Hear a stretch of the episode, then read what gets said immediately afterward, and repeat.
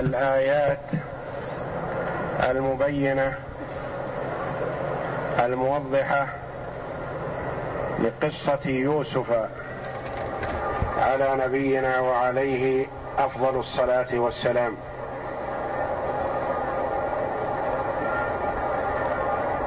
لما ثبتت براءته لدى العزيز في أنه لم يراود امرأته وإنما امرأته هي التي راودت يوسف عليه السلام. قال الله جل وعلا ثم بدا لهم من بعد ما رأوا الآيات ليسجننه. أخذ الناس يتحدثون بمراودة امرأة العزيز ليوسف. ورأى العزيز كذلك أنه لا يصلح أن يبقى يوسف مع امرأته. في تلك المرة حصلت المراودة منها. وربما حصل العزم. فقال الله جل وعلا ثم بدا لهم. يعني بدا للعزيز ومن معه من استشاره في الأمر أن يسجنوه. لأن في سجنه ربما يكون نسيان للناس لما حصل من امرأة العزيز. وربما يكون فيه تمويه على بعض الناس أنه حصل منه ما حصل وإن لم يحصل منه شيء فسجن لهذا. وربما كان عن رغبة من الوزير في أن يسجنه ليبعده عن زوجته لأنه تيقن أن زوجته راودته وربما تكرر المراودة فيحصل الفعل. فرأوا أنه من المناسب لهم في ذلك الوقت أن يسجنوه حتى حين إلى وقت ما لم يحدد هذا الوقت بطول ولا قصر ولم يكن هذا السجن عقوبة لأنه لا يستحق العقوبة عليه الصلاة والسلام. وفي هذا تسليه لمن سجن وأوذي وعذب وهو بريء. فقد يسجن البريء النزيه في دينه وعرضه كما سجن يوسف عليه الصلاة والسلام. وأن السجن لا يضير المؤمن ولا ينقص من قيمته شيء إذا كان نزيه العرض. سالم من أذى الناس فلا يضيره السجن فكما قيل كم دخل السجن من بريء. كثير ما يسجن المرء وهو بريء. يحصل هذا ففي سجن يوسف عليه السلام تسلية للأتقياء الأخيار الذين قد يسجنون وهم براء من الذنب والعيب واللوم وإنما سجنوا ظلما. قال الله جل وعلا ودخل معه السجن فتيان. قال أحدهما إني أراني أعصر خمرا. وقال الآخر إني أراني أحمل فوق رأسي خبزا تأكل الطير منه. نبئنا بتأويله إنا نراك من المحسنين. الرجل الصالح الرجل التقي والمؤمن ينفع أينما كان. إن كان طليقا نفع وإن سجن نفع وهكذا. فكثير من الأخيار سجنوا فنفعوا في سجنهم نفعا عظيما. بتأليف الكتب في السجن. بتعليم الجاهل. بالدعوة إلى الله. يدعو إلى الله في سجنه. ينفع أينما حل. دخل معه السجن فتيان. فتيان للملك الكبير. الذي هو أكبر من العزيز. فرأيا في يوسف الخير والاستقامة والصلاح فأحباه.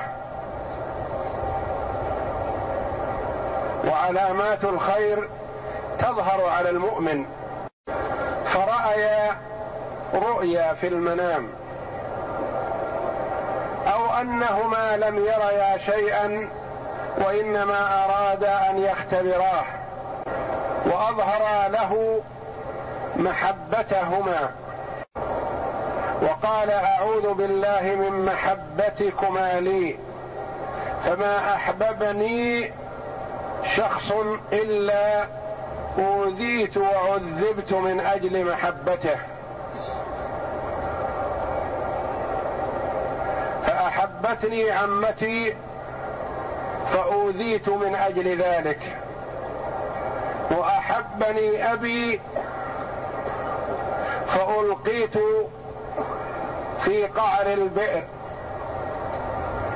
وأحبتني امرأة العزيز فدخلت السجن من أجل محبتها. قال أحد هذين الفتيين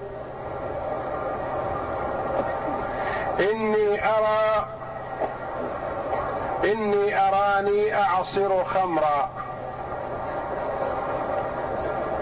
وقال الآخر إني أراني أحمل فوق رأسي خبزا تأكل الطير منه. وطلب منه تعبير هذه الرؤيا.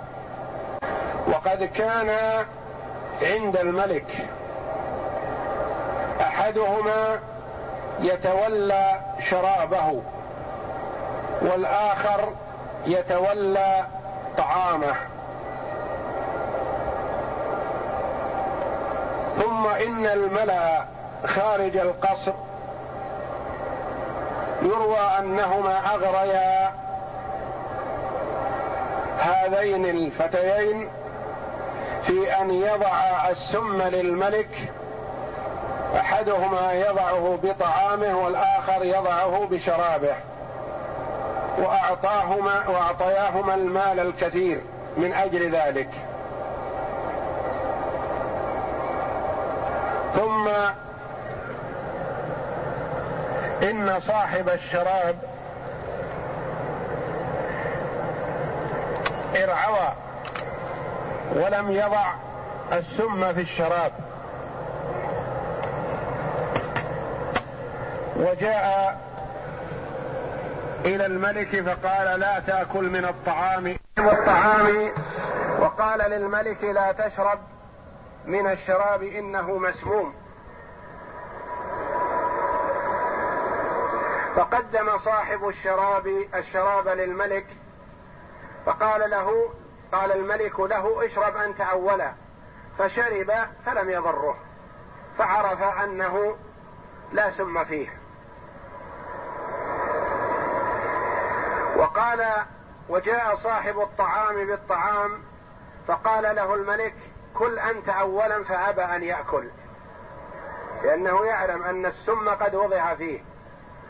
فأمر الملك بأن يعطى يؤكل منه دابة تؤكل منه تأكل من هذا الطعام فأكلت فماتت.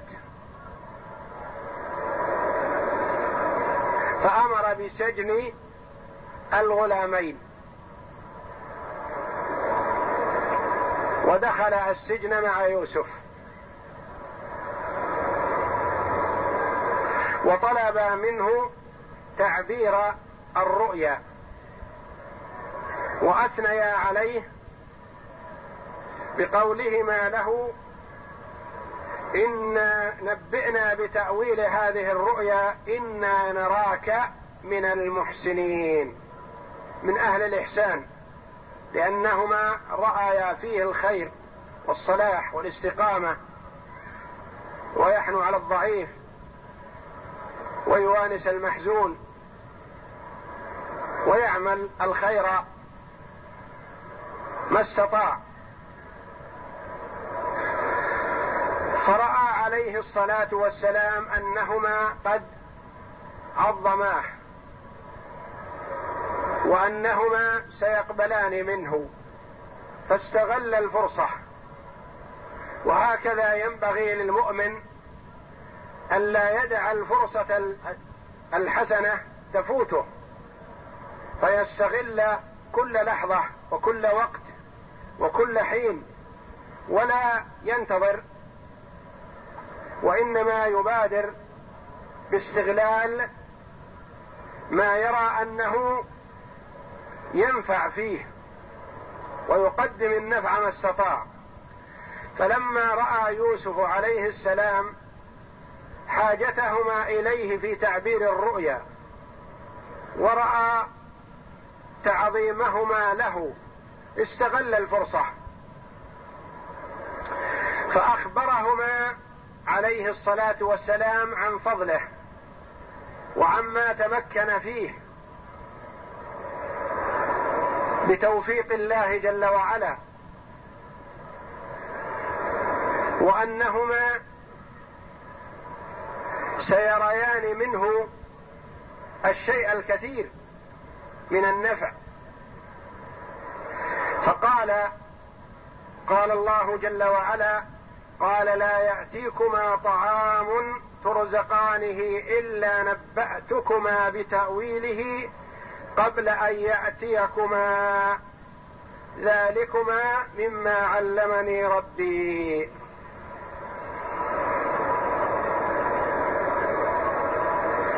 قبل أن يأتيكما الطعام استطيع أن أخبركما به. إذا رأيتما الرؤيا أخبرتكما بتأويلها. أو قبل أن ياتيكم الشيء أستطيع بما علمني الله أن أخبركم به. وذلك مما أطلعه الله جل وعلا من علم الغيب. فعلم الغيب استأثر الله به. لا يعلمه ملك مقرب ولا نبي مرسل. إلا ما أطلع الله جل وعلا من شاء من عباده على شيء من المغيبات. كما قال عيسى عليه الصلاة والسلام وأنبئكم بما تأكلون وما تدخرون في بيوتكم. فيطلع الله من شاء من عباده على ما شاء من مغيباته. ولا بأس بالرجل أن يخبر عن شيء مما فضله الله جل وعلا به إذا لم يكن هذا على سبيل التعاظم والترفع. وإنما على سبيل أن يصل إلى مقصوده من الدعوة إلى الله ومن أجل أن تقبل دعوته. إذا عرف فضله قبلت دعوته.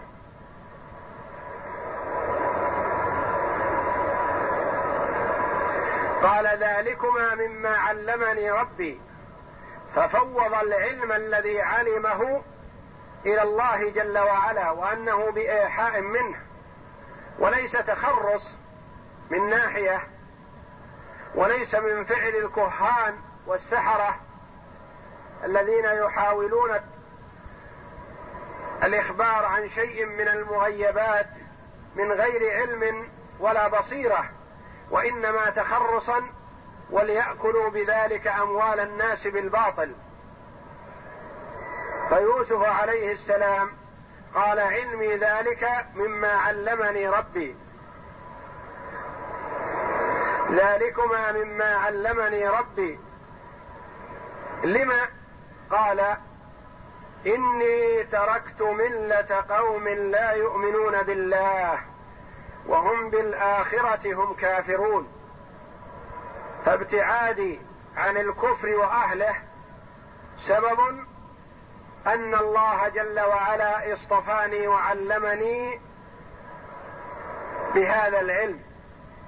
ذلكما مما علمني ربي إني تركت ملة قوم لا يؤمنون بالله. قد يقول قائل قول يوسف عليه السلام تركت ملة قوم لا يؤمنون بالله. هل كان على هذه الملة ملة من لا يؤمن بالله ثم تركها؟ نقول لا. فالأنبياء عليهم الصلاة والسلام معصومون عن الوقوع فيما حرم الله وأشد المحرمات هو الكفر والشرك بالله فهم لم يشركوا بالله. وإنما معنى الترك هنا الابتعاد عن الشيء. لو لم يكن المرء في شيء ما إذا ابتعد عنه فقد تركه. يعني ابتعدت عن أهل الشرك. فالمبتعد عن الشرك تارك له وإن لم يكن عليه من الأصل. إني تركت ملة قوم لا يؤمنون بالله وهم بالآخرة هم كافرون. على ماذا أنت؟ ما دمت تركت ملة هؤلاء القوم؟ قال واتبعت ملة ابائي إبراهيم وإسحاق ويعقوب. اتبعت ملة آبائي فأصلي أصل حسن أصل عريق في الكرم والاصطفاء والاختيار من الله جل وعلا. كما قال عليه الصلاة والسلام الكريم ابن الكريم ابن الكريم ابن الكريم. يوسف ابن نبي الله يعقوب ابن نبي الله إسحاق ابن خليل الله إبراهيم. فهو عريق الأصل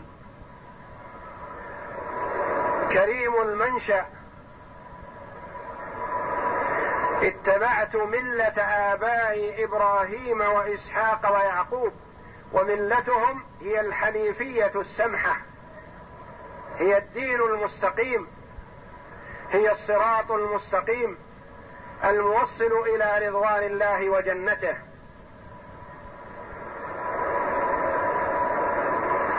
والله جل وعلا أوحى إلى عبده ورسوله نبينا محمد صلى الله عليه وسلم أن اتبع ملة إبراهيم حنيفا وما كان من المشركين. واتبعت ملة ابائي إبراهيم وإسحاق ويعقوب. ومن هذه الآية أخذ بعض العلماء أن الجد يحل محل الأب ويسمى أب وهو عند فقد الأب يأخذ الميراث كما يأخذ الأب. فالله جل وعلا سمى إبراهيم وإسحاق أبوين لإسماعيل ليوسف وهما جده ووالد جده. ما كان لنا أن نشرك بالله من شيء. ما كان لنا ما يليق بنا أن نشرك بالله من شيء أي شيء وإن قل. لا نشرك بالله شيئا. فما كان لنا وما ينبغي لنا أن نشرك بالله. وقد عرفنا الله جل وعلا وعرفنا عظمته واستحقاقه للعبادة وحده لا شريك له. فمن عرف الله حقا عظمه حقا. وكلما كان العبد أعرف بالله كان منه أكثر خشية. كما قال الله جل وعلا إنما يخشى الله من عباده العلماء. فالعلماء أهل البصيرة والعلم والمعرفة. أكثر خشية لله جل وعلا من غيرهم. وكما ورد من كان بالله أعرف كان منه أخوف. ما كان لنا أن نشرك بالله من شيء أي شيء وإن كان قليلا. أي نوع من أنواع الشرك وإن كان قليلا. فتحقير للشيء المشرك به. وإن قل لا يقع. ذلك من فضل الله علينا. فضل الله علينا الذي فطرنا على الإسلام والدين والحنيفية وعلى الناس. فضل الله جل وعلا على عباده عظيم. والله جل وعلا فطر عباده على الحنيفية ملة إبراهيم. وإنما الشياطين اجتالت من اجتالت منهم عن دينه. كما ورد في الحديث عن النبي صلى الله عليه وسلم أنه قال يقول الله جل وعلا خلقت عبادي حنفاء. فالله جل وعلا تفضل على عباده بالحنيفية فمنهم من استمر على ما فطره الله جل وعلا عليه ومنهم من حاد ومال عن الصراط المستقيم واتبع الهوى والشيطان. ذلك من فضل الله علينا وعلى الناس ولكن أكثر الناس لا يشكرون. أكثر الناس لا يشكرون هذه النعمة ولا يعترفون بها فيشركون مع الله غيره من لا يستحق شيئا من أنواع العبادة. وفي هذا دليل على أنه لا ينبغي للإنسان أن يغتر بالكثرة ويقول جل الناس على هذا فأكثر الناس لا يشكرون وقليل من عبادي الشكور. وما أكثر الناس ولو حرصت بمؤمنين وإن تطع أكثر من في الأرض يضلوك عن سبيل الله. فلا يغتر العاقل بالكثرة ولا تنظر إلى من هلك كيف هلك وإنما العبرة في من نجا كيف نجا. احرص على سبيل النجاة وإن قل سالكوه.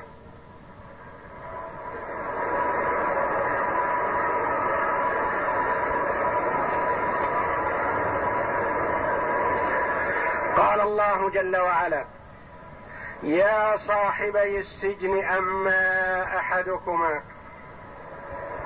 يا صاحبي السجن أأرباب متفرقون خير أم الله الواحد القهار؟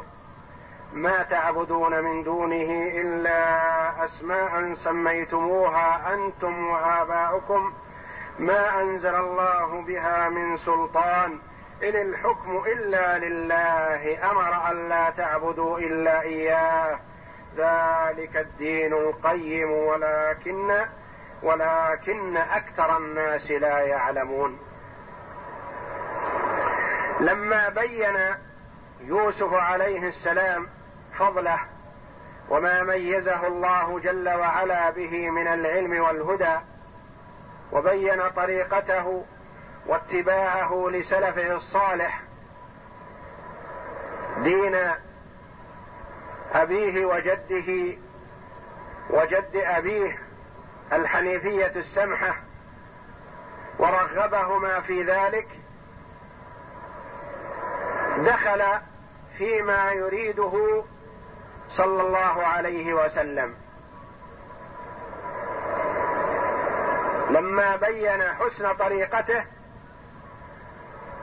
وانتهى بين بعد ذلك سوء طريقتهم في عبادة غير الله جل وعلا.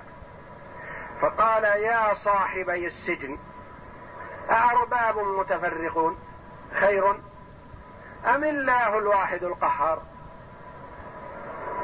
أرباب متفرقون آلهة متعددة مختلفة شجر وحجر وذهب وفضة ألواح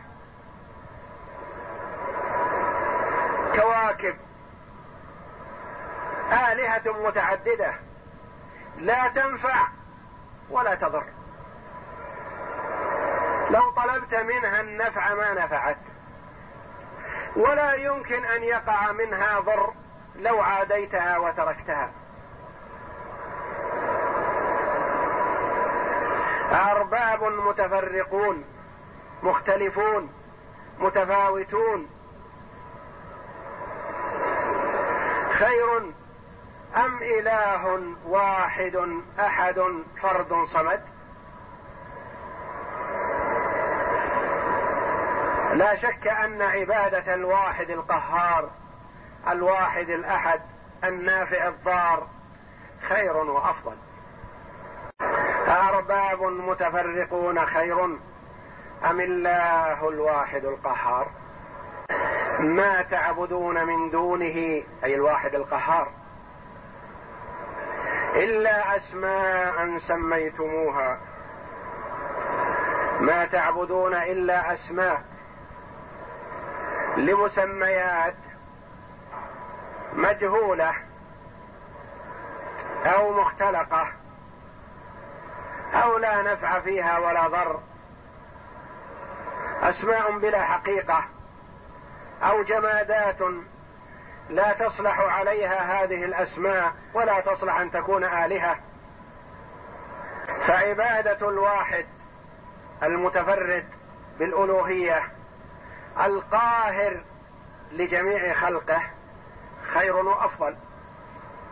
ما تعبدون من دونه إلا أسماء سميتموها أنتم وآباؤكم. عبادتكم إياها لم تكن مبنية على شرع ولا على دليل وإنما أسماء سميتموها أنتم وآباؤكم. شيء مستجد. أنتم سميتموه أو توارثتموه عن آبائكم تقليدا أعمى. أنتم وآباؤكم ما أنزل الله بها من سلطان. ليس هناك حجة ولا دليل ولا برهان لصلاحيتها للعبادة. فعبادتها هباء لا فائدة فيها.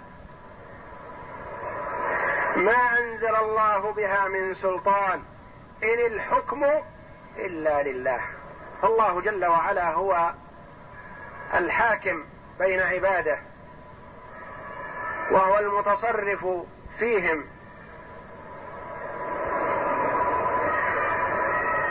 وهو الذي ينفذ حكمه جل وعلا.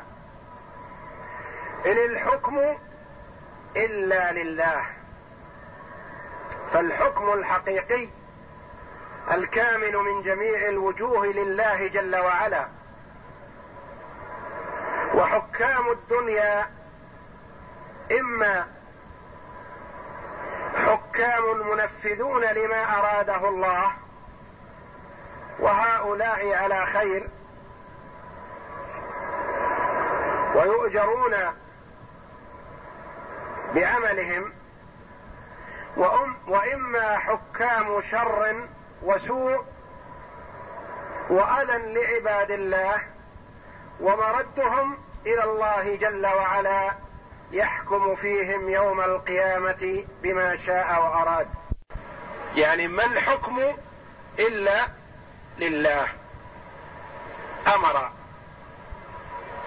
حكم وقضى ووصى جل وعلا وأرشد عباده الا تعبدوا إلا إياه. أمر الا تعبدوا إلا إياه. فمن أطاع هذا الأمر الإلهي سعد في الدنيا والآخرة. ومن عصى الأمر الإلهي شقي في الدنيا والآخرة. أمر الا تعبدوا إلا إياه. اشتمل على الحصر. ذلك الدين القيم. هذا الدين المستقيم. هذا الحق. هذا الصراط المستقيم. لا الطرق الملتوية. لا عبادة الآلهة التي لا تنفع ولا تضر. ذلك الدين القيم ولكن أكثر الناس لا يعلمون. لو علموا حقيقة العلم لما عبدوا إلا الله. لأن من كان عنده علم أرشده إلى الحق. والحق في عبادة الله وحده. ومن عبد غير الله فما عبده إلا لخلوه من العلم النافع. والمراد بالعلم العلم النافع في الدنيا والآخرة. وليس مطلق العلم فقد يكون عند المرء بعض العلم الذي لا ينفعه كما أثبت الله جل وعلا للكفار شيئا من علم الحياة الدنيا في قوله جل وعلا يعلمون ظاهرا من الحياة الدنيا وهم عن الآخرة غافلون. فالعلم علم نافع في الدنيا والآخرة. وعلم ضار لا ينفع صاحبه. وقد يضره. فالمنفي هنا عن كثير من الناس العلم النافع. وقد يكون عالما علما لا ينفعه. بعدما دعاهما إلى الله جل وعلا ورغبهما في عبادة الله وحده ونبذ عبادة ما سواه وهكذا ينبغي لكل من سلك سبيل الأنبياء والمرسلين. كل من اتبع سبيل الرسل أن يدعو إلى الله ولا يحتقر شخصا مهما كان. وإن كان خادما وإن كان رقيقا وإن كان ضعيفا ادعو إلى الله. ما استطعت. ولا تترك كبيرا لكبره.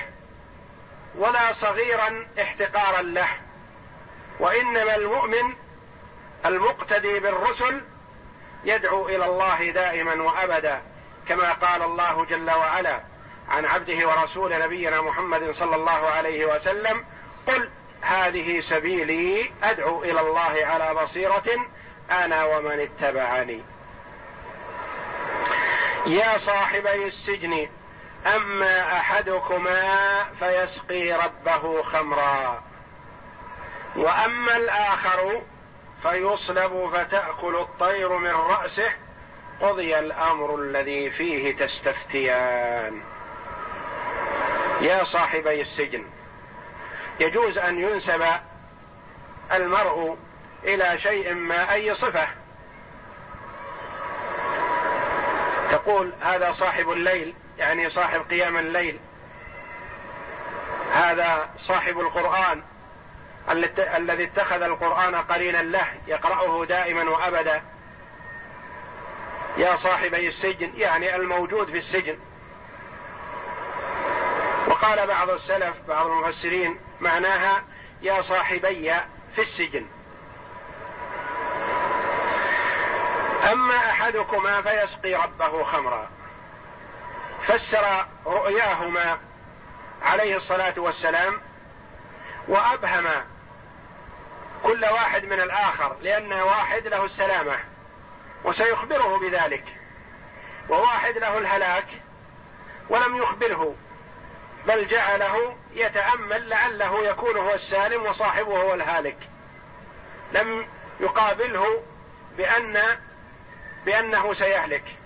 قال أما أحدكما فيسقي ربه خمرا. واحد منهم يخرج ويسقي ربه الخمر يعني يبقى حيا ويخدم سيده. وأما الآخر فيقتل ويصلب وتأكل الطير من رأسه. قال بعض المفسرين إنه لما عبر لهما هذه الرؤيا بهذا التعبير قال ما رأينا شيئا. ما رأينا رؤيا وإنما أردنا اختبارك. فقال لهما قضي الأمر الذي فيه تستفتيان. الأمر قضي وانتهى. وكما ورد في الحديث وكما تقدم في الدرس السابق أن الرؤيا على رجل طائر فإذا عبرت وقعت. وإن تركت مرت فلا تضر. وأمر صلى الله عليه وسلم من رأى رؤيا حسنة أن يحمد الله ولا يخبر بها إلا صديقا. ومن رأى رؤيا سيئة أن ينقلب عن شقه الذي كان نائما عليه ويدفل ثلاثا ويستعيذ بالله من الشيطان الرجيم ولا يخبر بها أحدا فإنها لا تضره. فخرجا معا. أما أحدهما الساقي فبقي واستمر على عمله ووظيفته تقديم السقيا للملك. وأما الآخر فقتل وصلب فأكلت الطير من رأسه. وقال للذي ظن أنه ناج منهم اذكرني عند ربك. وقال قال وقال للذي ظن أنه ناج منهما.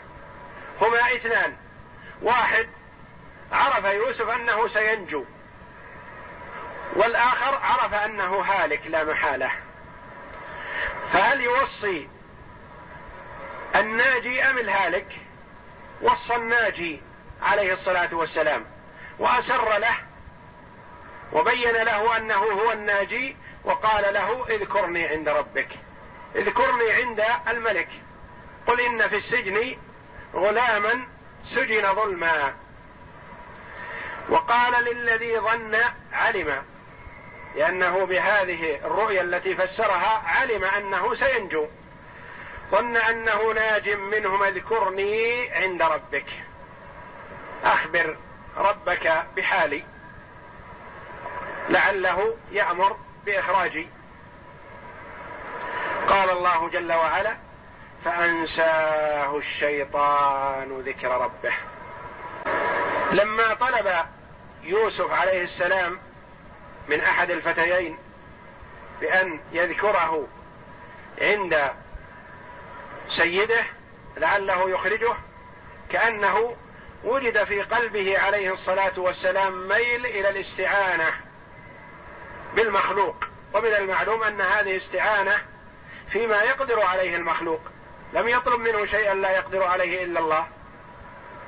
لكن لو فوض أمره إلى الله جل وعلا ولم يطلب الاستعانة به لربما لم يبقى في السجن مثل ما بقي كما ورد في بعض الآثار.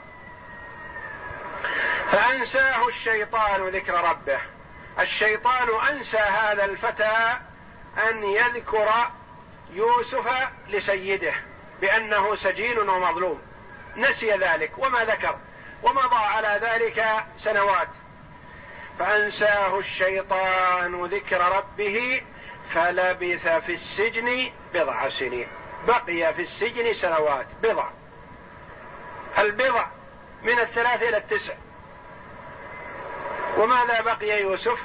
قيل بقي في السجن سبع سنين وقيل بقي اثنتي عشرة سنة وقيل بقي أربع عشرة سنة.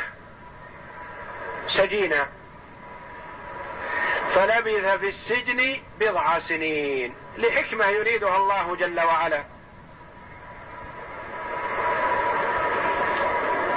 ثم إنه لما أراد الله جل وعلا خروجه هيأ لذلك أسبابا فأرى الملك رؤيا أفزعته وطلب تعبيرها من الحاضرين ومن حوله فلم يجد من يعبرها من يعبرها له فذكر الغلام الذي خرج من السجن ذكر حال يوسف وأنه هو الذي يعبر الرؤيا.